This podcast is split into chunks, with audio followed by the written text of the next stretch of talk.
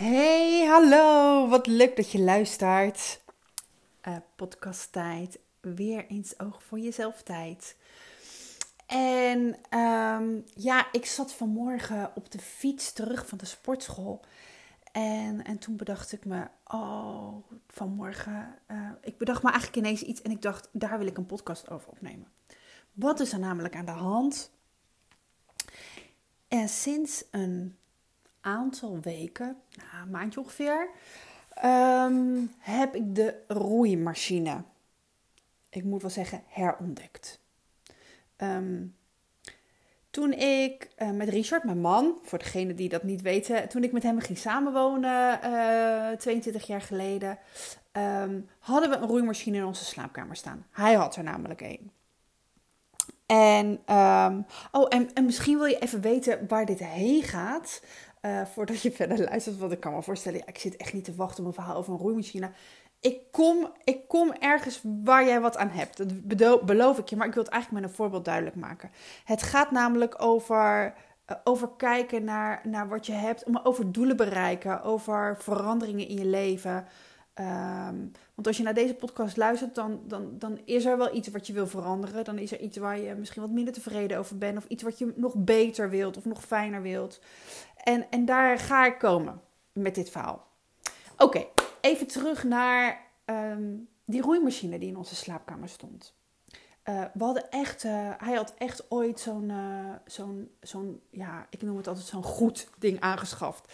En niet de eerste, de beste. mijn man is wel iemand die houdt van, als ik iets koop, dan koop ik iets goeds. Um, dus er stond echt een professionele roeimachine in onze slaapkamer. En nou, ik vond het niet zo aantrekkelijk uitzien. Ik heb ook uh, daar best wel lang over gedaan voordat ik daar een keer op ging zitten. Terwijl uh, manlief daar wekelijks uh, aardig wat kilometers op afroeide. Um, en goed, en vanaf het moment dat ik dacht daar eigenlijk een beetje op wilskracht van... ik moet het ook eens proberen, we hebben tenslotte zo'n professioneel ding in huis. Laat ik er ook eens op gaan. ben ik daar op gaan zitten. Um, en eigenlijk al vrij snel... Um, ja, voelde ik het niet echt. Maar goed, ik bleef het wel doen, want ik dacht, ja, weet je, we hebben zo'n ding, laat ik het doen. Uh, goed voor mijn lijf. Maar vooral, uh, ik moest het eigenlijk van mezelf, omdat hij er toch stond. En, en ik bleef er daar niet zoveel plezier aan. Uh, ik vond het ook best lastig om vol te houden. En er hingen hele training, trainingsschema's van mijn man op, op, de, op de kast in de, in de slaapkamer. Um, ja, en dat, dat maakte bijna dat ik vond dat ik zelf ook zoiets moest doen. Het zegt, het zegt natuurlijk heel veel over mij. Het zegt heel veel over hoe um, ik mijn omgeving eigenlijk um, mij mijn keuzes liet bepalen. Hoe ik me liet leiden uh, door hoe Richard het deed, hoe, hoe het voor hem werkte. En waarvan ik dacht, als het voor hem werkt, zal het voor mij ook wel werken. En daarnaast dus ook nog geleid door de overtuiging van ja, we hebben nou eenmaal dat dure ding in huis. Laat ik hem nou ook gebruiken. Want ja, dat is anders toch zonde. Die ken je vast ook wel, dat het zonde is. En dat je daardoor dingen gaat doen of gebruiken terwijl het eigenlijk helemaal niet wil of nodig is. Maar goed, dat terzijde. Dat even als achtergrondinformatie. Um, nou, inmiddels zijn we dus 22 jaar verder. Um, heb ik heel lang die roeimachine uh, buiten beschouwing gelaten. Uh, zo, dat roeiapparaat. En um, sinds een paar jaar loop ik weer in de sportschool. Um, ik moet je heel eerlijk zeggen, uh, dat was pure noodzaak. Want dat is gekomen nadat ik um, met mijn thuis kwam te zitten met een acute hernia. En acht maanden uit de running was. En mijn lijf was uh, ja, zo slap als een vaatdoek, kun je je misschien wel voorstellen als je zo lang uit de running bent. En door middel van de fysio um, ben ik weer op die apparaten geklommen. Eerst bij de fysio. Uh, de noodzaak toen ingezien van, van uh, ja, het voor mijn lijf moeten zorgen. En zo ook bij de sportschool terechtgekomen. Nou, dat was ook echt nog een strijd hoor in het begin. Inmiddels, um, heel wat jaren verder, en ook heel wat jaren aan mezelf werkend verder. Werkend aan mijn overtuigingen, werkend aan mijn interne processen. Um, kan ik je zeggen, kan ik je echt oprecht zeggen dat ik ochtends, ik ga uh, drie keer per week, probeer ik, uh, ochtends met plezier naar de sportschool ga. Zelfs als het op zondagochtend bijvoorbeeld niet lukt en ik ga op maandagochtend en op maandagochtend is hij om 6 uur open, dan zou het zomaar zo kunnen dat ik als ik eerder wakker ben, dat ik om half zeven of om zeven uur of om kwart over zeven in die sportschool ben. En dat het me eigenlijk geen moeite kost. Dat komt omdat ik nu uh, kan denken. Uh, ik, zit er, ik zit er met een andere mindset in, laat ik het zo zeggen. Uh, ik, doe het, ik, ik doe het niet op wilskracht. Ik heb namelijk helemaal niet zoveel wilskracht. Dus als ik dan iets op wilskracht moet doen, dan kost dat me rete veel energie. En uh, ik ben er inmiddels achter dat niet iedereen wilskracht heeft. Terwijl we wel eigenlijk allemaal vinden dat we allemaal wilskracht moeten hebben.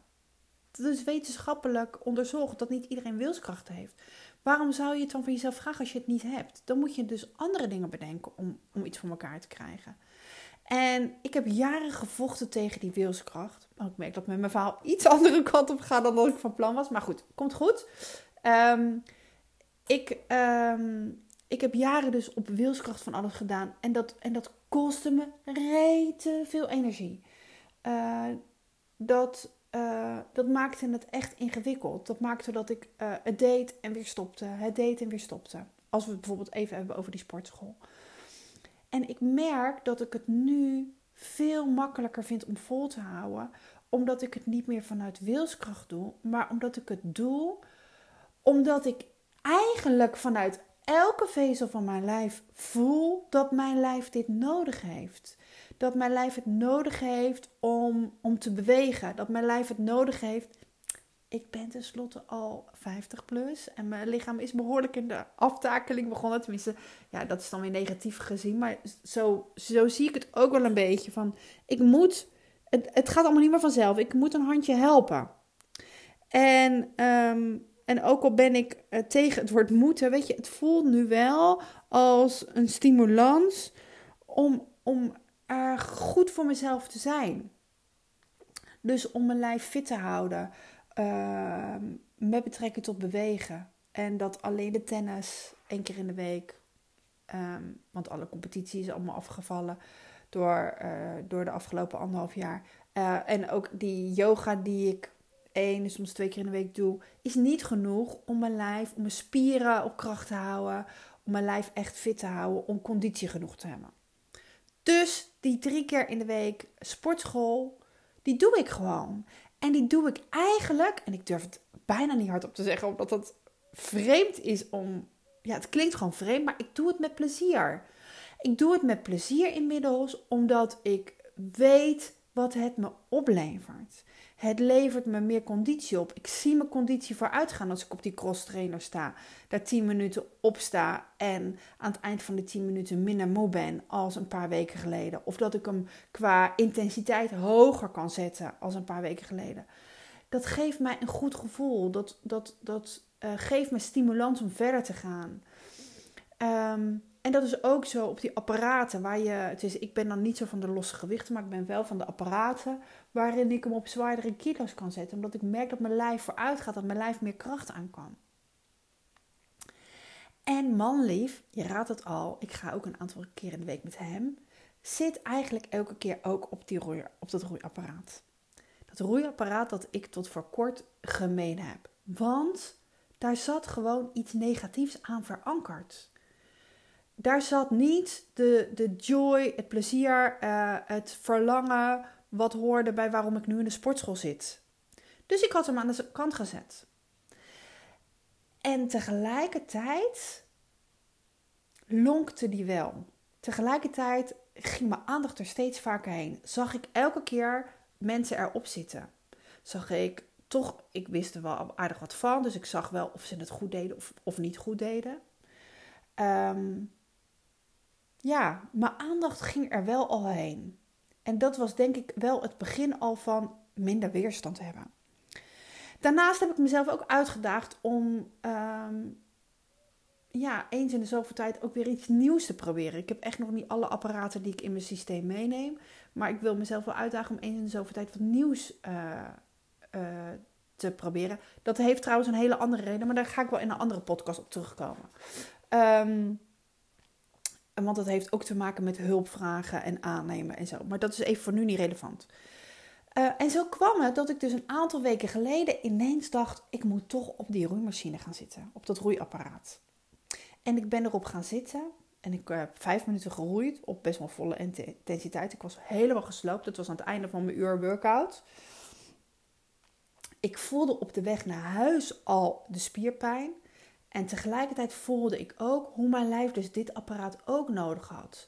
Hoe mijn lijf daardoor nog meer spieren gebruikte. Hoe, mijn lijf, hoe ik door dat roeien nog meer ehm, flexibiliteit kreeg. Mijn heupen zijn namelijk best, voelen best stijf. Nou, en vanmorgen uh, had ik er dus ook weer op gezeten. En ik merk dat um, ja, ik vijf minuten inmiddels eigenlijk te kort vind. Maar langer nog niet volhoud. Dus wat ik inmiddels doe, is ik ga er vijf minuten op. Ik stop dan even. Ik, uh, ik, ga even, ik rust even uit een minuutje. En daarna ga ik nog een keer vijf minuten. En ik zat daar zo eens over na te denken toen ik vanmorgen op de fiets terug zat. En ik merkte op uh, het proces wat er bij mij eigenlijk aan vooraf gegaan is. Wat ik je net omschreven heb. En ik merkte ook op dat, um, dat waarom ik er nu wel kan en waarom, het nu, waarom ik er nu eigenlijk elke keer in ieder geval ook op ga zitten, is omdat ik kijk naar wat het me oplevert in plaats van wat het me kost. Dat ik die overtuiging die ik opgebouwd had toen dat ding, toen we net gingen samenwonen in mijn slaapkamer stond en ik ervaren had hoe ik het niet leuk vond, dat ik die, dat ik die los heb gelaten uh, door te kijken uh, wat geeft het me. En, en, dat is eigenlijk de reden waarom ik deze podcast graag op wil nemen en dit, dit uh, voorbeeld met je wil illustreren. Want het heeft helemaal niets te maken met de sportschool en het heeft ook helemaal niets te maken met mij. Ik weet namelijk zeker dat jij, dat jij dit herkent in jouw leven. Dat jij het herkent dat je veel op wilskracht doet. En dat het je misschien niet lukt. Dat je nieuwe routines aan wil leren. Of dat je bepaalde overtuigingen los wil laten. Um, en dat het zo lastig is. En dat, het, en dat het je dan weer een gevoel van falen geeft. En dat je daardoor misschien je weer onzekerder voelt. En dat je er eigenlijk weer niet nog een keer aan wil beginnen als je daarop aangaat, als ik dit nu zeg, als je denkt, ja Chris, je hebt daar wel iets. Dan wil ik dat je eigenlijk nu even een momentje neemt om te bedenken op welk item je als eerste een verandering zou willen aanbrengen. Want je weet, niet alles tegelijk, één ding tegelijk. Kleine stapjes. Dus bedenk, terwijl je nu naar me luistert, oké, wat zou ik nu anders willen in mijn leven? Wat wil ik anders denken of wat wil ik anders doen? Bedenk het nu. Oké, en als je dit bedacht hebt, ga dan eens even bedenken wat het je allemaal oplevert als je het anders doet. Als je dat waar je je tot nu toe nog niet toe kon zetten, als je daar wel toe kan zetten. Wat gaat dat jou opleveren? En, en, en als jij nu niet op de fiets zit of in de auto, maar gewoon even zit en je ogen dicht kan doen, doe je ogen eens even dicht. En voel eens even hoe het is als jij dat bereikt hebt. Als jij dat wat je wil veranderen gedaan hebt. Omdat je weet wat het je oplevert. Voel eens even hoe dat is als je daar al helemaal bent. En zie het eens even voor je. Zie jezelf eens even voor je. In die situatie of op die plek of hoe dan ook. Als jij daar al helemaal bent. Zie eens wat het je opgeleverd heeft. En kijk eens hoe je omgeving is.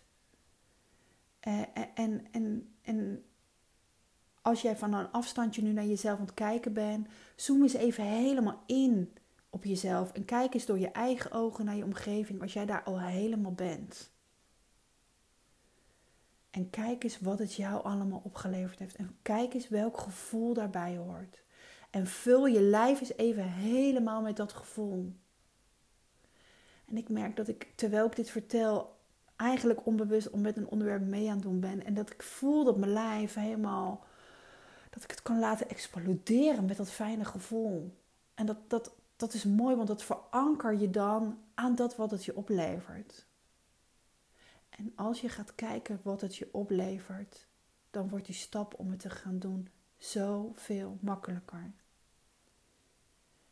Herinner je jezelf elke dag aan wat het je oplevert. Denk elke dag aan waar je het voor doet. Niet aan wat het je kost, nee, wat het je oplevert. Want zelfs het minst leuke, wat je, waarvan je vindt dat je het moet, levert je iets positiefs op.